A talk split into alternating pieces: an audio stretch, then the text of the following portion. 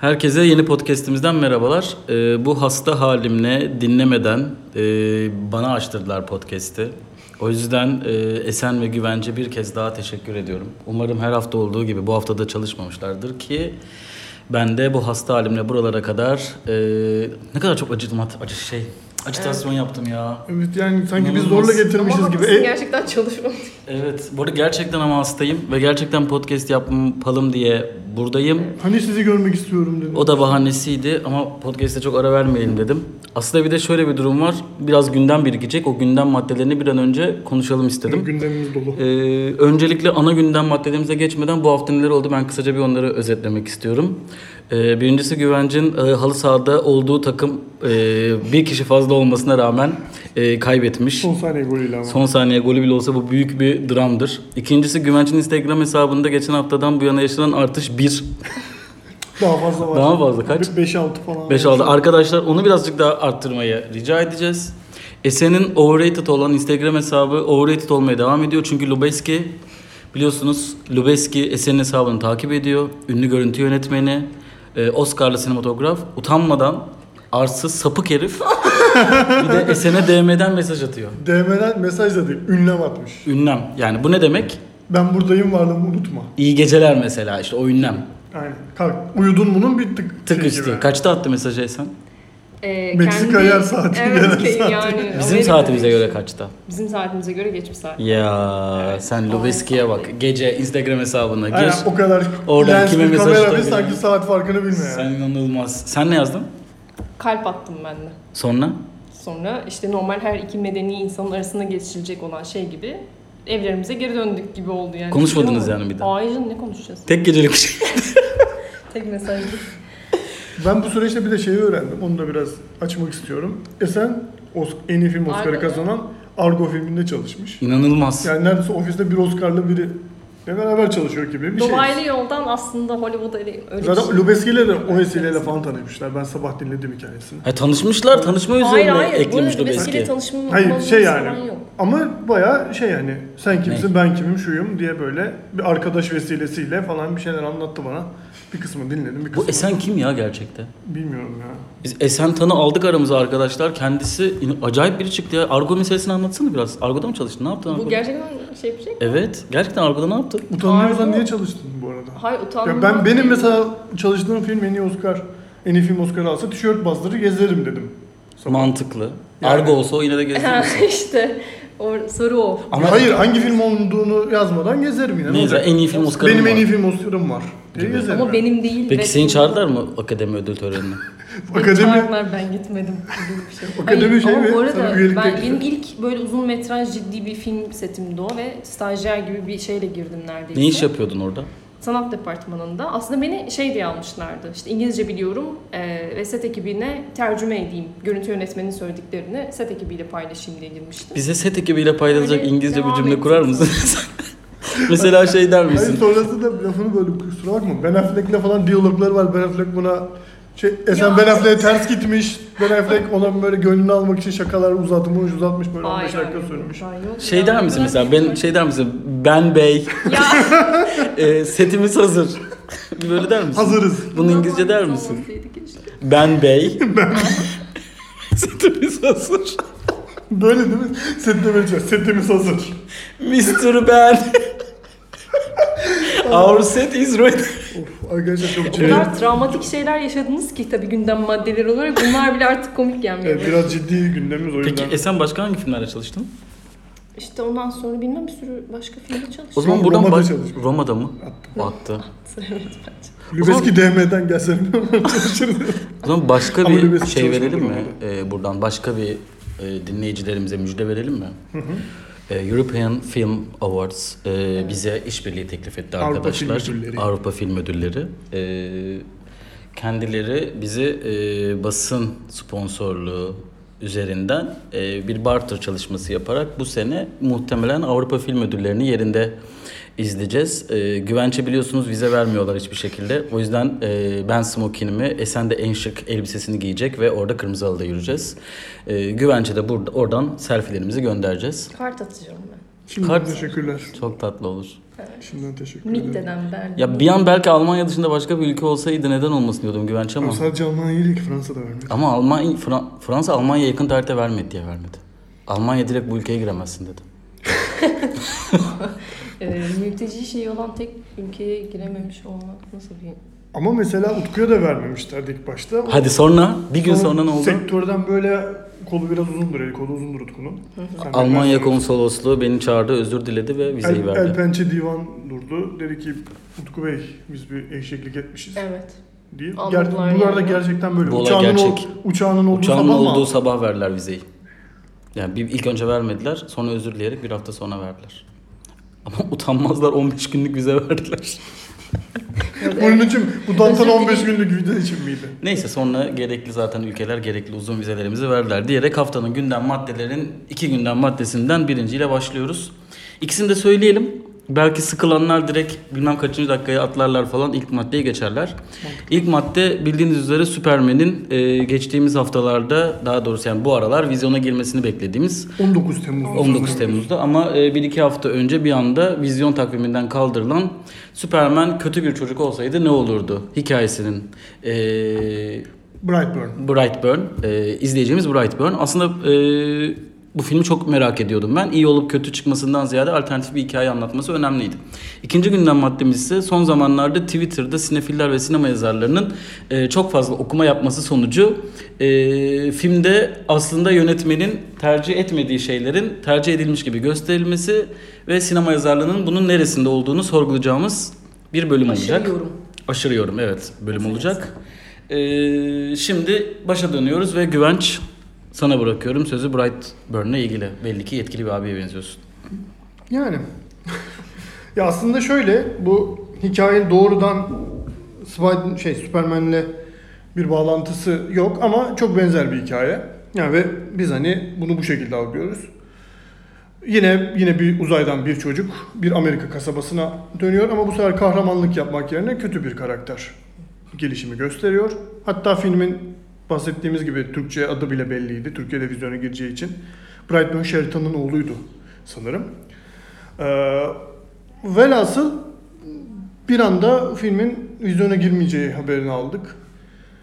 Ee, ve dolayısıyla artık bu tartışılması gereken bir konu haline geldi ki biz geçmişte de biliyoruz önceki deneyimlerimizden de. Aslında bu ölçüde merak uyandıran bazen hani böyle daha alternatif filmler bazen de gerçekten hani günümüzün önemli yönetmenlerinin filmleri Türkiye'de artık vizyona giremiyor, girmiyor.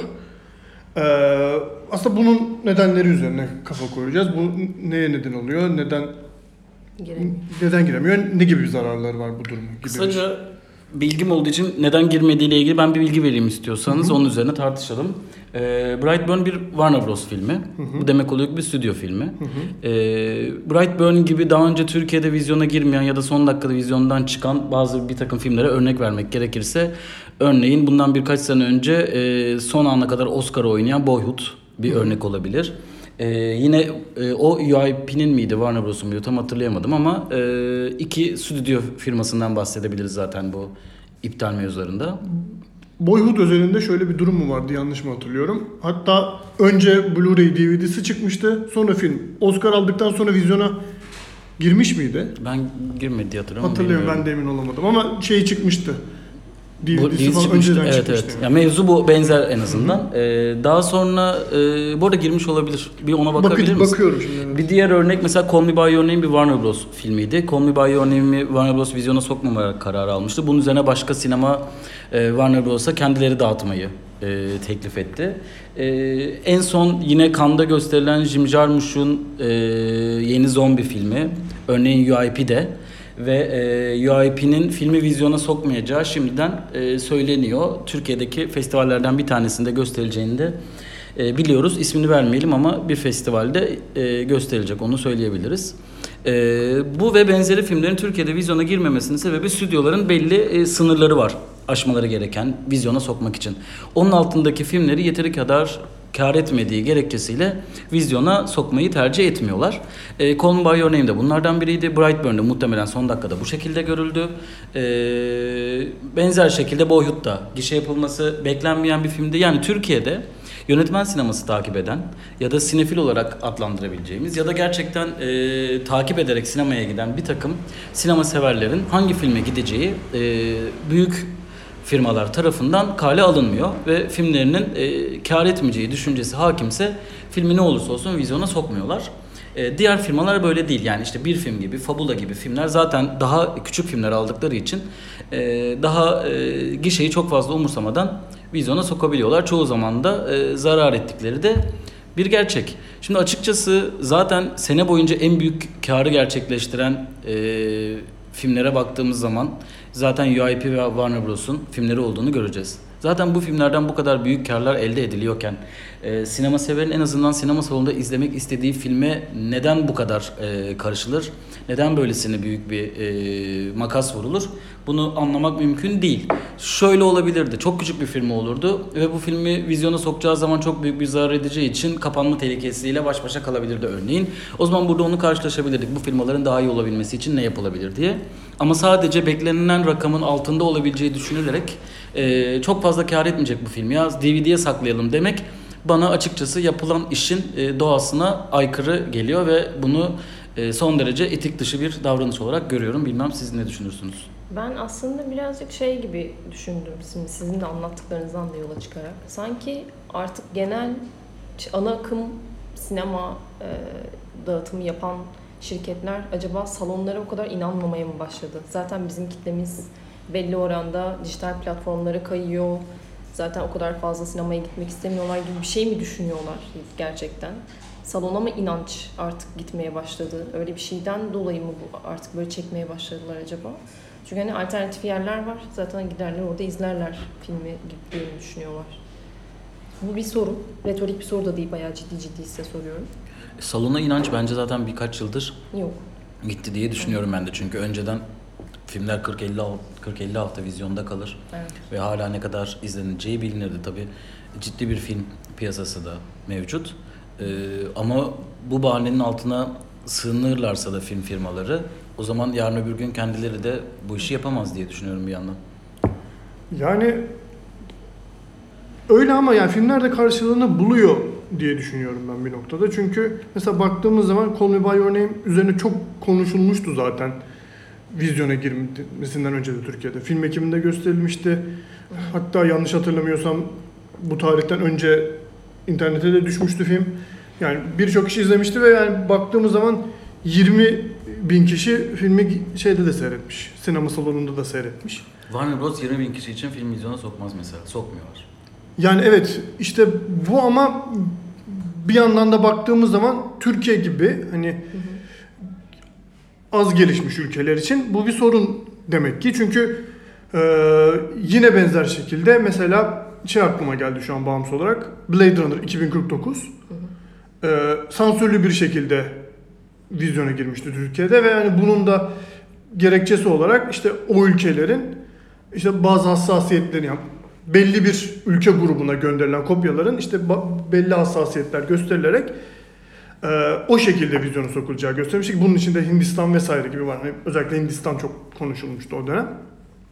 Yani o zaman hani baktığımız zaman bu kadar büyük firmalar e, şayet hani gişe garantisi yoksa yani hani bir yani şu anki Hollywood'un durumuna baktığımız zaman da ya çok büyük bir korku filmi değilse işte Conjuring serisinden, onun spin-off'larından falan bahsediyorum veya süper kahraman filmi falan değilse geldiğimiz noktada bu filmlerin vizyona girmeyeceğini artık öngörmeye başlayabiliriz. Çünkü baktığımız zaman zaten Türkiye'de de gişe sayıları da ciddi anlamda hali hazırda düşüyor. Yani geçen seneye göre %45 gibi korkunç bir düşüş var. Hani bunun büyük oranda yerli filmlerin gişe, yerli gişe canavarlarının vizyondan çekilmesine bağlayabiliriz bunu ama yani yine de kağıt üzerinde baktığımız zaman bu bir istatistik. Önemli bir istatistik. Türkiye'de insanlar sinemaya gitmiyor demek bu. Hani çok üstten bir bakışla. Ee, dolayısıyla yani biz hani biraz daha yani aslında yani Jim Jarmusch'un filmine ne kadar bağımsız diyebiliriz orası da tartışılır. Çünkü hani Adam Driver gibi işte Yani kocaman bir kast var. Yani belki de son yıllarda bir araya gelmiş en iyi kast orada. Ama bu filmi işte şirket diyor ki bunun hani çok bir maddi getirisi olmayacak Türkiye'de. Dolayısıyla hani sadece festivalde gösterelim. Sonra da belkisinden çıkarsa işte home video şeyleri, DVD'si, Blu-ray. Blu-ray zaten çıkmıyor hiçbir filmin de. DVD'si de çıkarsa 40 liradan falan çıkıyor. o da zaten korkunç rakamlar. O da çok bambaşka bir tartışma bence. Ee, dolayısıyla yani Türkiye'de aslında şeyler hani doğrudan hani başka sinemanın kapsamı çünkü başka sinemada genellikle daha artan filmler görüyoruz.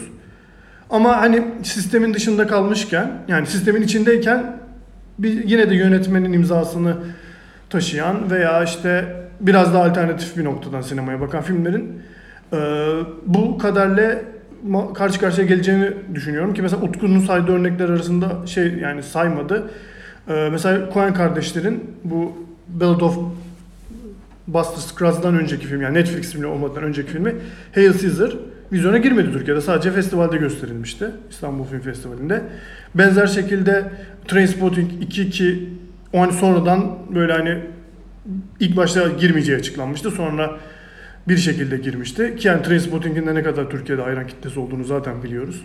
O geçen podcastlerde konuştuğumuz gibi böyle gerçi onu yayınladık. Biz konuşup bazen yayınlamıyoruz Bazen arkadaşlar. yayınlamıyoruz evet. Yani hani böyle şey karşılığı garanti olan bir film neredeyse. Evet. Aslında bu gar- işte garanti mevzusu da galiba Ama e, işte nasıl bizim algılandığı, nereden evet. baktığımız ve dağıtımcının ya da ithalatçının nereden baktığıyla da alakalı. Şimdi mesela şeye bakıyordum The Favourite, e, Lantimos'un son filmi. Şimdi Lantimos Türkiye'de garanti yönetmen diye Gözüyle bakıyoruz şu an. Ondan sonra film Oscar'ı oynadı. O yüzden daha geniş bir kitleye. Emma Stone oynuyor. Ee, hani oradan da başka bir kitleye de aslında gidiyor. Ama film sadece 47 bin kişi seyirci tarafından izlenmiş. Mesela bu 47 bin rakamı başka sinema için iyi bir rakam. Ama UIP ya da Warner Bros için düşük bir rakam. Gerçi bu filmi vizyona, Fox filmlerini vizyona sokan TM'ye sokmuştu. Yine benzer mesela Geçen seneden onun ayarında bir filme baktığım zaman 3 Billboard Ebbing çıkışı Missouri e, o da 42 bin kişi tarafından izlenmiş. E, o da mesela Oscar'da büyük ses getirmişti ama mesela baktığın zaman Favorite'dan yani Favorite en az 3-4 katı yapar diyebileceğim bir film. Ama işte gişede öyle yapmıyor. Mesela acaba bu film Fox'un değil de UIP ya da Warner Bros'un olsaydı e, vizyona sokacaklar mıydı? Merak ediyorum. Evet yani aslında biraz da biz mi hani garanti yönetmen gişesi var zaten diye biz mi acaba daha bir sınırlı noktadan bakıyoruz? Veya sadece hani sinema kültürü perspektifinden mi bakıyoruz? Hani ticari anlamda hiç düşünmeyip. Çünkü dediğin gibi yani Favorite gibi bir filme Oscar'da bir sürü adaylık almış. Kadrosunda yıldız oyuncular olan Lantimos gibi böyle çağımızın yıldız yönetmenlerinden bir tanesinin yönettiği filmin 40 bin kişi yapması da gerçekten hani düşündürücü ama ben şeyin falan yine çok etkili olduğunu düşünüyorum. Yani genel olarak sinemaya gitme alışkanlığının da buna etkili olduğunu düşünüyorum. Çünkü geçen gün seninle bir konu üzerinden konuşmuştuk. Mesela Gaspar Noé'nin Dönüş Yok filmi 200 bin falan kişi yapmış Türkiye'de ve yani böyle 40 hafta falan vizyonda kalmış sanırım. Yani Hatta böyle ben de sana sinemanın sinema olduğu Sinemanın yıllar sinema. yazmıştım. benzer bir şekilde böyle yani bu, bu anlayışın son dönemlerinde Haneke'nin Amur'u da sanırım hiç Evet. fena kişi yapmamıştı. Yani işte artık senin, yani senin söylediğin şeye belki bağlayacaksak salonda film izleme günleri artık yavaş yavaş azalıyor. Çünkü hani yani Lantimos'un filmine filan baktığımız zaman da yani bu sinemayı sinema için seven, insanlara hitap eden filmlerinde az gişe yapıyor olması bu açıdan hani salona inancın azaldığının bir göstergesi ama ben yine de daha büyük bir resimde yani Türkiye'nin ekonomik durumunun da buna ciddi etki yaptığını düşünüyorum. Kimse yani hele şimdi şu anki duruma da bakarsak hani bilet fiyatlarına falan hani Beyoğlu sinemasıdır işte Kadıköy sinemasıdır. Ya biraz daha bağımsız duruşunu devam ettiren salonlar üzerinde bunu söyleyemeyiz ama yani genel sonuçta genel bir yani çünkü Lantimos'un filmi Sinemaksimumlarda da gösterildi. Ya dolayısıyla yani bir filme 30 lira vermek, 2 saat izleyeceğin bir filme 30 lira vermek, öncesinde yol parası verdin, yemek yedin, filme girerken bir mısır aldın atıyorum, öncesinde bir kahve içtin.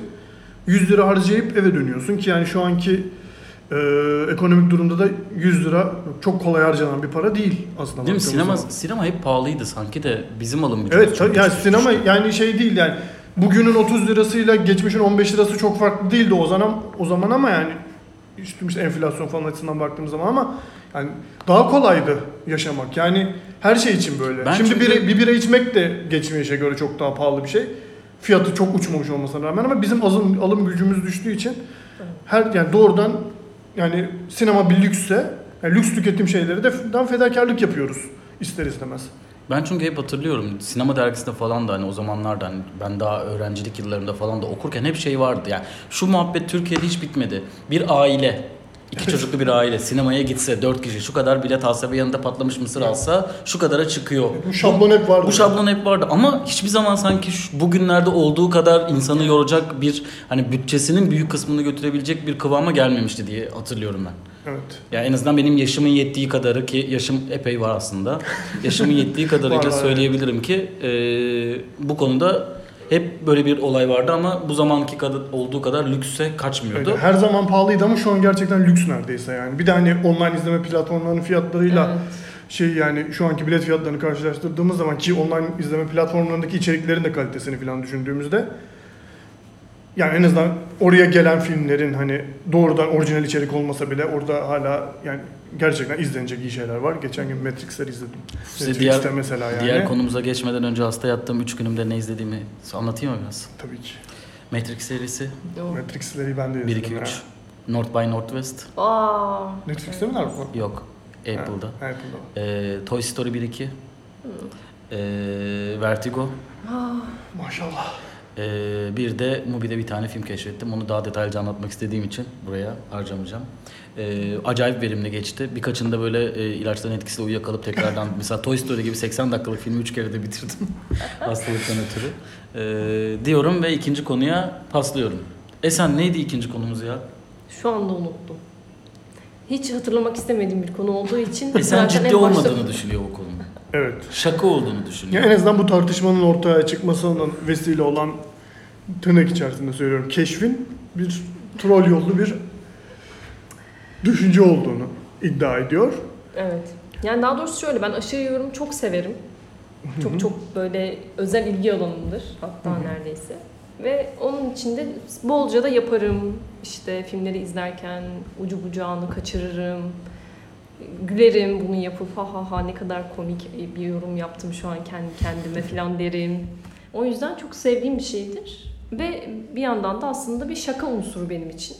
Evet bir şaka unsuru olarak işlevsel bir şey olduğuna yüzde yüz katılıyorum. Evet. Ki aslında sinema üzerine düşünürken de e, işlevsel bir şey çünkü yani yani sinemadaki bu tür de, her şeyin bu kadar Hı hı. çok aşırı derecede ciddiye alınıyor olması, yönetmenlerin neredeyse tanrılaştırılıyor olması, böyle inanılmaz detaylar Evet. filmlerin içerisine nakşettiğini falan düşünmek yani eğlenceli ama bir yandan hani realitede ne kadar karşılığı var gibi bir soru ortaya çıkıyor ki film eleştirisi de bunun neresinde duruyor Bu aslında. arada bir yerde. şey çok ince bir çizgi. Yani yönetmen bunu istedi ve yaptığıyı da her zaman görmek zorunda E, değilsin. tabii ki canım, yani tabii. yönetmen hiç öyle bir şeyle yapmamıştır. E zaten öyle olsa bütün filmler iyi olurdu gibi bir Hani çıkar mı evet. Yani hiç öyle bir e, kaygısı yoktur ama biz filmden gene başka bir okuma da elde edebiliriz. Hani öyle bir sınırı da yok bir arada Tabii. bir yandan.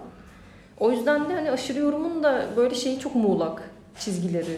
Hani neyin aşırı, neyin gerçekçi bir yorum olduğunu saptamak da muğlak. Ama şimdi bu birkaç örnek üzerinden de gidilecekse Bu niye aşırı olsun ki? Ben önce onu bir sormak istiyorum. Yani diyelim ki bu bu gerçek. Gerçekten de yönetmen tam o sahnede sinek bırakmış kadrajı. keşke olsa ya, keşke öyle bir açıklama çıksa. Ve, ve gerçekten de iyi bir okuma olmuş olsa bu. Yani neden olamaz?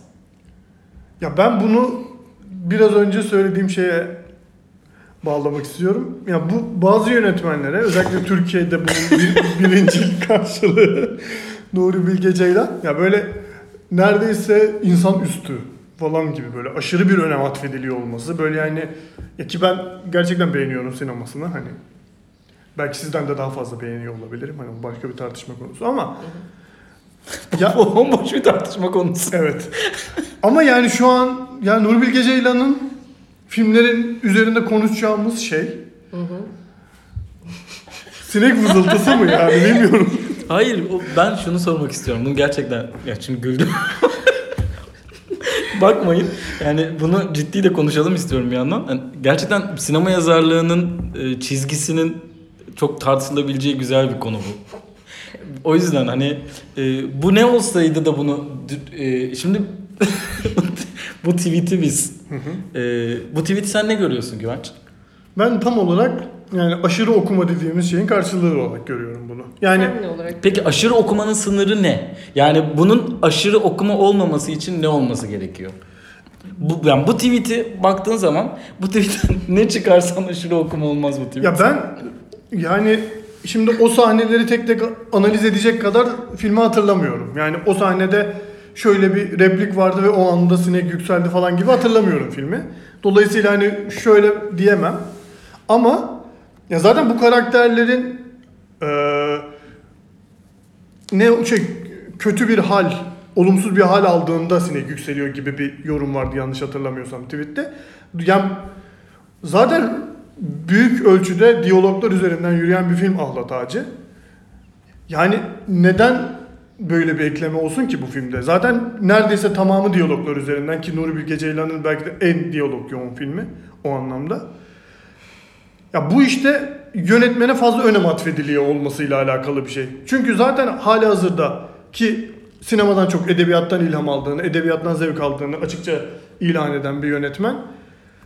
Yazdığı metinle zaten bu karakterlerin kötülüğünü, niyetlerini, hallerini açıkça veriyor. Ki belki de hani Ağlatacı biraz kaba bir film bu açıdan.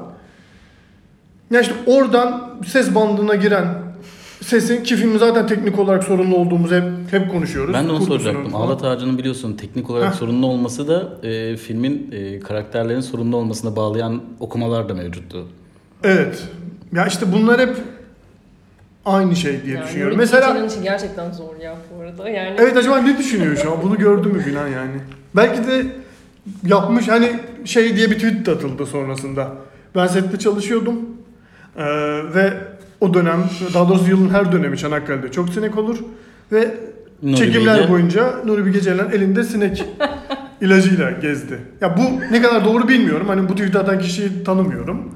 Bu tamamen çok, çok ko- iyi bir şaka da olabilir. Bu. Esen'in Argo'da çalışması gibi durum bu şu anda. Ha, mesela evet aynen Esen Ergöz'de çalışması gibi bu tweet'i atan arkadaşımız da Allah Tacı'nda çalışmış olabilir. Olmaya da bilir. Bunun üzerinden tamamen şaka da üretiyor olabilir.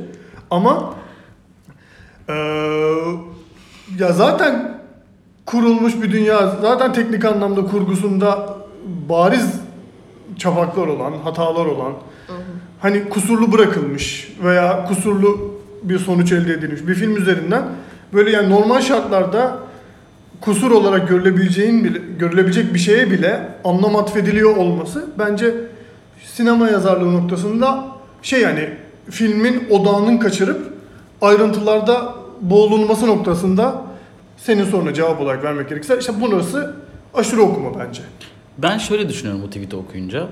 Ee, ben Tufan e, arkadaşımızın attığı tweette bir art niyet görmüyorum açıkçası. Ke- Şöyle. kesin- kesinlikle bir Çünkü aktivite yok tweet'i bence çok iyi niyetli bir tweet ve diyor ki yani ne zaman kötü niyetli bir hal alsa diyor bir kara sinek giriyor devreye diyor.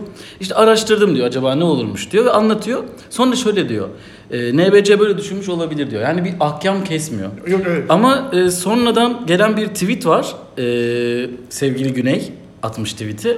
Bu arada yani Güney'i severim. E, ama bence asıl burada rahatsız edici olan şey bu.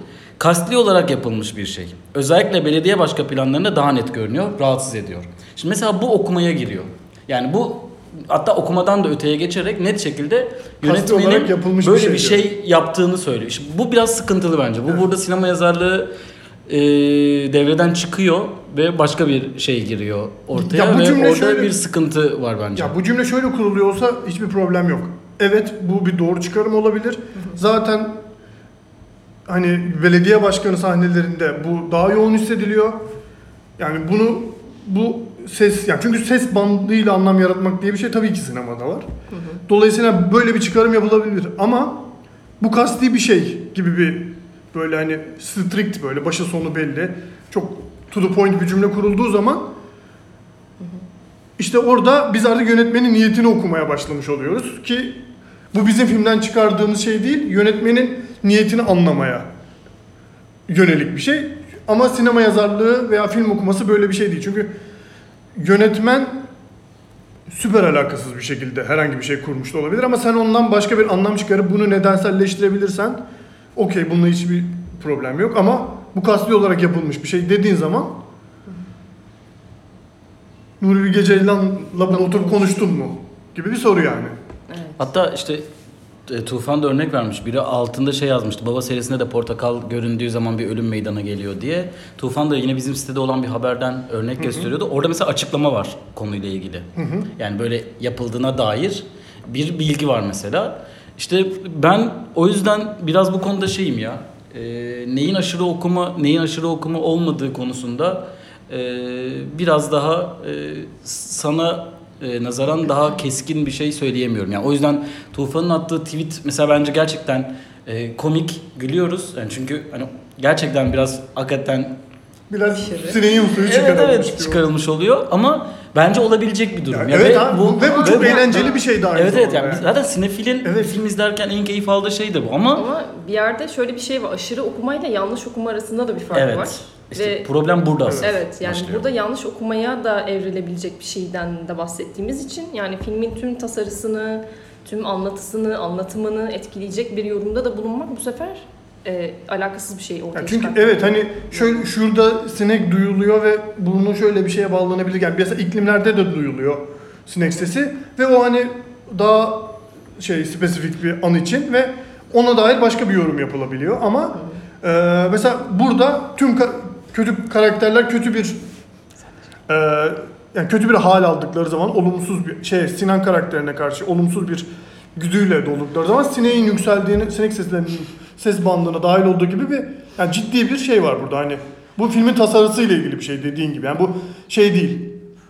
Ee, eleştirmenin filmi okuyan filmi inceleyen kişinin fikrinden bir adım öteye geçip filmin böyle tasarlandığına dair bir şeyler söylemeye başlıyor. İşte aslında burası ya tabii ki bunun net bir çizgisi yok. Ben de bu arada hani Bence daha- ama sıkıntı şurada başlıyor Tufan. tweet ile ilgili bunu söylemeden edemeyeceğim. Ee, bir sinema yazarı diyor ki e, iklimlerde de başarılı bir sinek yönetimi vardı diyor.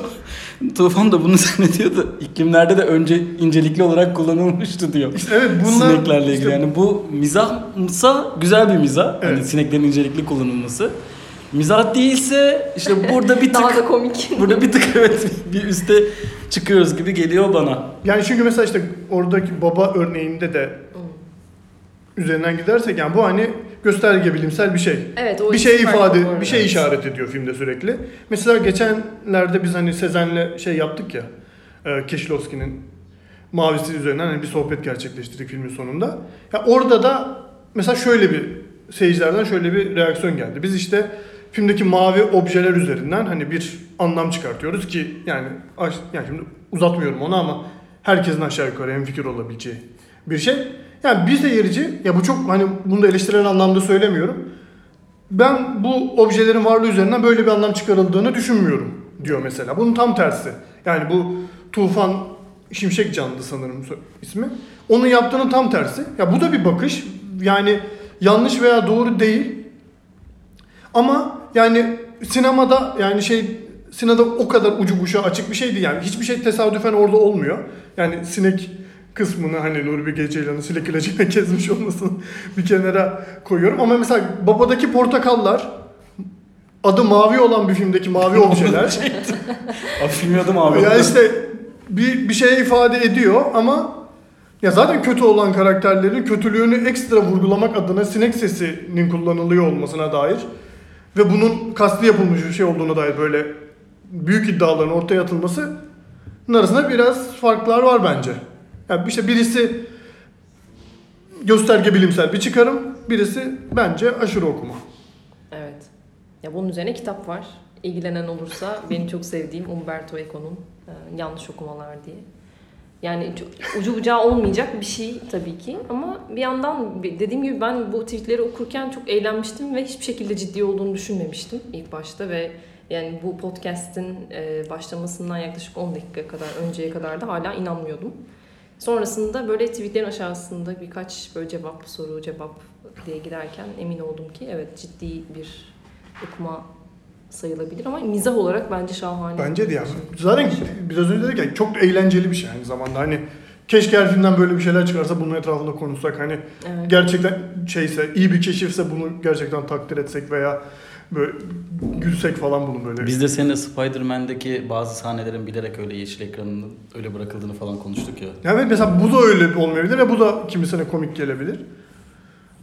Yani evet bu, bu da yani zaten sinemanın doğrusunun ve yanlışının çok net bir şey olmamasıyla alakalı. Ya yani. gerçekten ben şu an mesela Nuri Bilge Ceylan'ın çıkıp e, Tufan arkadaşımızı tebrik etmesini falan yani gö- gözümün önünde o şey beliriyor neredeyse. Yani evet gerçekten şahane. Gözümün önünde bir hırka. benim de şey, Tişört. benim de şey halı saha tişört, beyaz halı saha tişörtü canlanmıştı. Ya evet hani şey değil. De- o ilk tweette gerçekten senin dediğin gibi Utku bir şey var. Aşırı okuma var. Ama okey yani belli bir sınırı kadar okey. Ama sonrasında daha devam etmesi, bunun işte Trumplo ile falan vardırılması, e, Ya biraz arkadan gazı alınca Ya işte biraz öyle oluyor. Ben, Oluyor benim yani. demek istediğim şey oydu. Hani yönetmenlerin veya sinemanın doğrudan böyle tanrısallaştırılıyor olmasıyla alakalı. Hani böyle bir birisi böyle bir keşif yapmış, böyle bir şey fark etmiş. Böyle bir tweet atıyor ve yani herkes peşinden koşuyor gibi oluyor. Herkes yani bir takdir şeyine böyle bunun nasıl diyeyim buna bir bu keşfedilen şeye aşırı bir anlam yüklemek. Ya bu aslında filme veya bu keşfe değil aslında Nuri Bilge Ceylan'a anlam yüklemekle bence eşdeğer. Çünkü kesin öyle bir şey yapmıştı. Yani mesela bu kasti bir şey deniyor yani bir, bir sonraki tweette. Çünkü Nuri Bilge Ceylan onu yapabilecek kadar üst insan neredeyse. Hani Ama Bizim böyle- öyle şekilde kullanmak bence üst insanlık falan değil de daha şey değil mi? Yani aslında Nuri Bilge Ceylan'ın sinemasını birazcık farklı bir indirgemeye Ya mesela işte mesela atıyorum yani sinek ya o gör, paylaşılan görsellerden bir tanesinde hani kimisinde sinek sesi var. Kimisinde görselde sinek sesi var. Okla böyle. Kimisinde de karakterin üzerinde konmuş sinek var. Evet. Ya mesela o ne kadar yönetmen o sineğin orada konabileceğini kontrol etti mesela. Hani bu ne kadar yönetmenin ya mesela bir şey mi ya bal sürdü ve oraya sinek mi kondu filan. Ya bu ne kadar yönetmenin kontrol edebileceği bir şey. Evet arı oldu. peki bir şey soracağım. Orada Kişlovski'nin şeyi falan da var bu. Yani bunlar kontrol Evet, edilebilir onu bir şey de soracaktım değil. ben de. Yani Şimdi- Kişlovski'nin işte ne bileyim bir e, kahve fincanındaki şekerin erimesini Evet. test ettiği şeyleri de biliyoruz. Hatta yani böyle onun yönetmenler bunu zorlayan insanlar. Hatta şey yani Kişlovski'nin o şeker erimesiyle ilgili bir anekdot var. Evet, Yanlış evet. hatırlamıyorsam hani 8 saniye, evet 6 hani saniye onu aratıyor Evet. falan böyle. O kadar uzun sürede erimesi Evet. gereken bir şeker aratıyor falan ama ya sinek ama sonuçta canlı ve Bence Yapar, yapılacaksa CGI yapılır. yaparsın yani. CGI ile de yapılır, normal de yapılır. evet yapılır ya. Yapılır yapılır doğru. Ben ben şunu merak ediyorum. Şimdi mesela bunda yönetmene de ne kadar güvenebiliriz ki? Ray Erdem'i hatırlayacak olursanız e, bütün filmleri doğa insan ilişkisi üzerine Evet. olan bir sürü hayvan üzerinden metafor kullanan bir yönetmen. Ama kendi söyleşilerinde mesela bir tanesinin e, bir seyirci sormuştu. Biz sizin filminizi izliyoruz. Anladığımız kadarını anlıyoruz ama daha sonra sinema yazarları çıkıp sizin filmlerinizde aslında bu bu değildir, bu bunu simgelemektedir. Hı Erdem bunu anlatmak istemiştir diyor. Biz bu filmi nasıl okumalıyız dediğinde Ray Erdem'in bir açıklaması vardı. Bunu birçok yerde yaptı. Benim filmimde işte at attır, eşek eşektir gibi benzer hani başka hayvanlar söylemiş oluyor bir açıklaması var. Burada yönetmeni nasıl güvenebiliyoruz? İkincisi yönetmenin bir açıklaması yoksa biz böyle bir okuma yapıyorsak örneğin işte Hitchcock'un Psycho filminde e, kadın masum henüz para çalmamış bir aşıkken beyaz iç çamaşırı giyiyor. Sonra gidiyor parayı çaldıktan sonra sırf siyah iç çamaşırıyla görüyoruz. Bunun hani okuma yaparak işte kadının karakter değişimindeki şey üzerine bir sürü kitaplar yazıldı hatta bunun üzerine bir sürü şey söylendi falan. Bunun arasındaki fark nasıl olacak? Aslında o şöyle oluyor. Ee, zaten bir tane eseri sadece bu film olmak zorunda da değil. Sanat tarihindeki herhangi bir yaratılmış tüm ürünleri biz belli kuramlar üzerinden, belli kavramlar üzerinden istediğimiz gibi okuyabiliriz. Bunun çeşitli yani tek bir okuması olmuyor hiçbir şeyin. Bu filmler için de geçerli o ise eğer. İşte psikanalitik kuramdan farklı okunur. Vertigo atıyorum. Ee, ne bileyim feminist kuramdan farklı okunur. O kuramdan farklı okunur. Bu kuramdan farklı okunur. Zaten onda bir sorun yok. Yani bu sinek meselesi de e, okunabilir bir yandan. E, onun için şey değil, onun bir sınırı yok zaten. Ama dediğim gibi o ilk baştaki hani aşırı yorum ve yanlış yorum arasındaki çizgiye gelirsek, yani psikanalitik bir okuma yapmaya çalışırken e, yanlış bir okuma yapmak buradaki mesele. Hmm, Yani şey gibi bir şey, yani sanat tarihindeki bir yere gönderme yapıyorsunuz. İşte sinek burada da kullanılmış 1400'lü yıllarda şöyle olmuş falan diyorsun hiçbir alakası yok yani onun öyle bir anlatımı yok onun. Mesela Ee, anlatsana farklı biraz. bir Sen şey biraz var. önce konuş biraz konuşmuştuk Tabloid evet, o yöntem ne mesela? Ya o yöntem e, işte sanatçının imzasının olmaması üzerine bir şey teknik. Yani kötü Aslında. karakter varsa sinek var gibi bir şey değil. Ama hiç kadarıyla. alakası yok öyle bir şeyle. Yani o tamamen bir o şey illüzyon. Yani zaten Şey göz yanılsaması Evet, demek evet. Fransızca bildiğim Yani şeyde kadarıyla. çok kullanılır böyle hatta Baudry onu çok kullanıyor, Hı hı. söylüyor. Ee, sinema böyle bir sanat. Çünkü bizi doğrudan illüzyon o evrenin gerçekliğine inandırıyor diye. Yani o resimlerde de öyle bir şey var. Tramploil'lerde de öyle bir şey var. Hani şey değil, e, mimesis şeyini çok fazla abartmış. Hani gerçekmiş gibi görünüyor o resimler, o tablolar falan gibi bir teknik o. Ee, ve işte sanatçının imzasını ortadan kaldıran bir şey. Ahlat Ağacı gibi yani Nuri Bilge Ceylan sinemasından bahsediyorsak tam tersi. Yani gördüğümüz anda biz direkt anlıyoruz o yönetmenin olduğunu. Ee, yani o teknikle bir şeyi yok. Yani genel olarak sinemayla bir bağlantısı var tekniğin ama e, Nuri Bilge Ceylan sineması için öyle bir şey söylemek... Ya bir de yani şey bu, değil, bu şey tarih sinek üzerinden bir şeymiş gibi. Ha evet. Otulan tweette de öyle bir aslında bilgi kirliliği de var gibi hani. Çünkü sinek varsa evet bu bu akıma dahildir ki akım da değil zaten bir yöntem diye, diyebiliriz belki Hı hı. buna. Yani şey yani kötü karakter varsa işte tabloda sinek var gibi bir şey. Ben öyle Yani anlıyorum o tam tersine hatta tweetlerden yani. Tromboil'de şey yok. Hani bir mesela sinek olmasının nedeni gerçekçiliği. Evet, yani çünkü orada sinek olabilir. için. Evet yani Evet, o kadar. Tıpkı film çekilirken orada sinek olabileceği gibi Ha, aslında. aynen yani. öyle aslında. Evet yani ona ekstra bir anlam yüklemenin saçmalığı gibi bir şeyden bahsediliyor aslında. O yüzden e, tutarlı değil yani oradaki bilgi ve sonuç. Bir tweet üzerine 25 dakika konuştuk herhalde. Ama tweet üzerine değil bence çok güzel. Sen bugün başka bir örnek daha vermiştin ya. Hangisiydi ya? Ee, babası çerçeveci, çerçeveci olan. Ha evet. Ben Ya hala o- görmedim de. onun da hani mizahi şeyini bilmiyorum. Belki hani bu olaya da göndermeli bir şey olabilir. Yani bilmiyorum çünkü Jacques Tate'nin babasının mesleğini. Dolayısıyla yani onun üzerine böyle doğrudan bir şey işaret ederek söylemek istemiyorum ama bir gün bugün bir tweet gördüm. Ee, Jacques Tate ki kadrajları böyle şeydir. Yani hakkını verir sinemada çerçeveleme dediğimiz şeyin. Bunun Jacques Tate'nin babasının çerçeveci olması ama Jacques Tate'nin bu mesleği reddetmesi.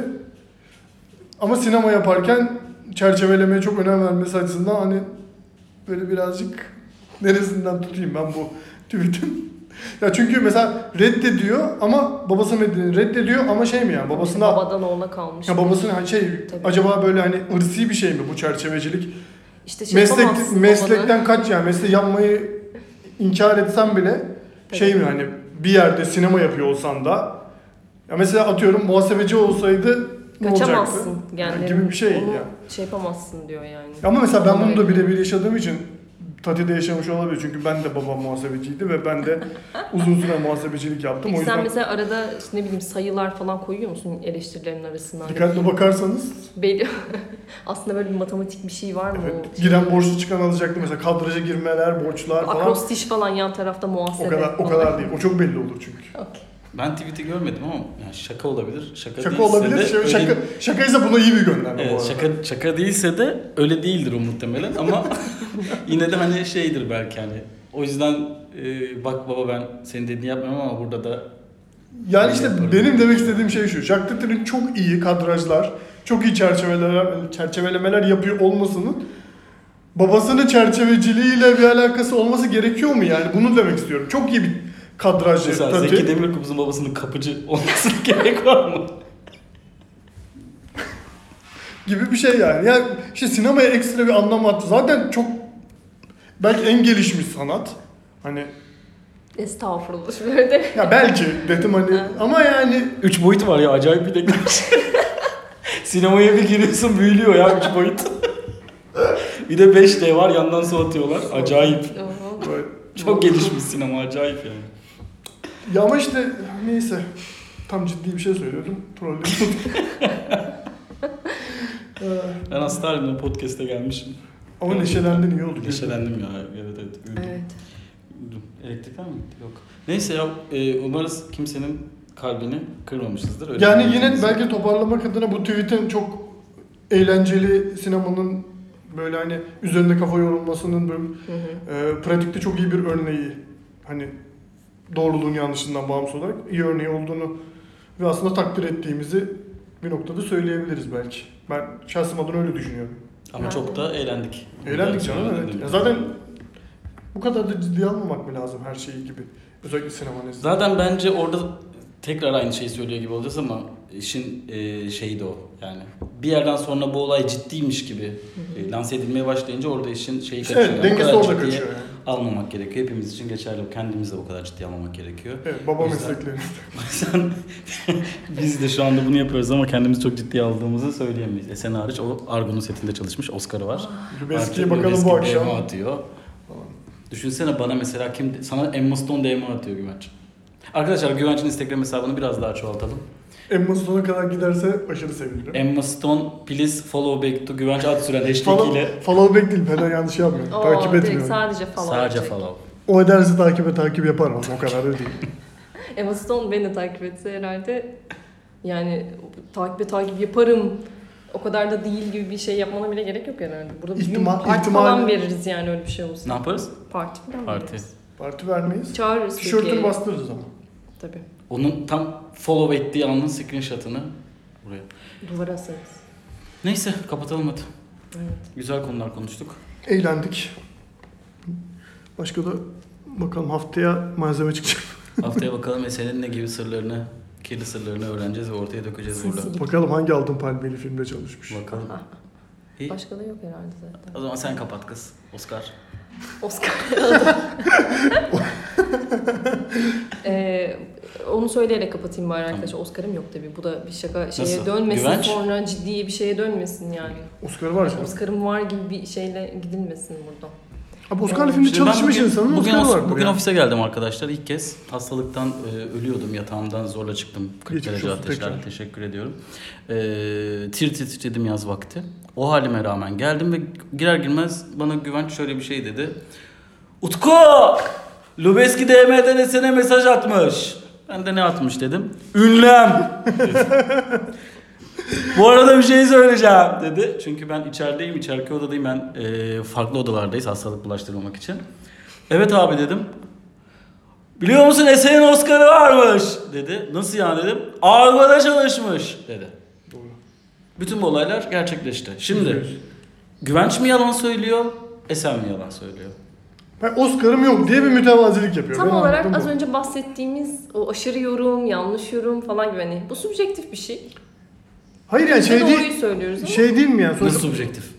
Oscar bir ödüldür. Evet, filme verilmiş bir ödül Hayır ama ama ben bunun kendim... sanat departmanına verileni var. Hayır görüntü ama yönetimine hayır var. bir şey söyleyeceğim. Zaten en iyi film yapımcıya Veriliyor. veriliyor. Sen Esen Tabii. yapımcı. Hayır bir noktada İşte- zaten sen de bu yapımın parçası değil misin? Yani sonuçta tesadüfen ben değilim orada, Utku değil ama sen oradasın. Sonuçta o yapımın ortaya çıkmasında Ben Affleck'in üstünü silmiş olmak kadar bile bir şeyin var, payın Sen Ben varsa. Affleck'in üstüne mi sildin? Yok hayır, ıslak mendil verdim. O Olay bu arkadaşlar. Sadece tek yani bu Oscar'a elimin değmesini ben... Belki o şey yani mesela o sen ıslak mendil bulamasaydın morali bozulacaktı. Aa, o sahneyi çok kötü canım. çekecekti. Ve oynayamayacaktı da o kadar iyi. Çünkü hem O oyuncu kadar hem iyi yönetmen kendisi. o kadar O muhteşem kadar iyi film çekemeyecek. O kadar mükemmel oynayamayacaktı belki. Mesela böyle İs- İstanbul'umuz İran olmayacaktı falan. Falan. Belki. Evet. Bu arada çok büyük şeyler var orada. Neyse. Neyler var? Haftanın Of. konusu bu mu? Of Warner Bros. sözleşme imzalatmış Esen'e. Konuşamıyor. Gerçekten. Neyse kapadan da off the record dedikodu alalım bence. Of Warner Bros. hakkında da ondan konuşmadı demek ki son bir saattir. Vizyona sokmadıkları Aa, falan evet. mevzularda. Ben- ben İmzası bilmiyorum var. falan diyor. Ajan filmde olursa sızmış. Ya. Ben bilmiyorum sizin anlattıklarınız üzerinden şöyle bir yorum yapıyorum. Salonu diyor şey diyor. Salona inancım azaldı diyor. Aa evet ya öyle Evet, bir orta yolcu bir gerçekten şey ya. gerçekten. Şimdi her şey bütün parça. Bence acil. Her, her şeyde böyle farkında mısın? Tweet burada tweet'e gülüyor gülüyor gülüyor. Tweet hakkında ne düşünüyorsun? Ee, sanatın her dalında bu tarz okumalar yapılabilir. Evet. İçi te- şeyi kapadı, podcast'ı kapatıyoruz. diyoruz ki ya bu filmler vizyona girmiyor. Ya çok ayıp ben bunu araştırdım bunun hakkında konuşacağım diyoruz. Podcast başlıyor. Ee, tabii ki bununla ilgili bazı gelişmeler yaşanmış olabilir. Sonuçta sinema Acaba çok... İnanılmaz şey, ya böyle bir şey. acaba Arkadaşlar salona. güvence Instagram'dan takipçi geldi şu anda. Yok gelmedi. Lütfen bu kadar hızlı olmayın ya. Bu kadar hızlı daha dinlemeden direkt. Yok bir film hikayesinde senden bahsetmiş. Bir filmle güvençten bahsediyor Aynen, arkadaşlar. Film inanılmaz. hesabı. İyi bakalım hadi kapatalım ya. Evet e, o zaman e, haftaya tekrar gündemde olan eğlenceli ya da eğlenceli olmayan çok da değişmiyor bizim için fark etmiyor. Bir konuyla yeniden sizlerle görüşmek üzere. Bu podcast'imizi kapatıyoruz. Evet. Bay bay.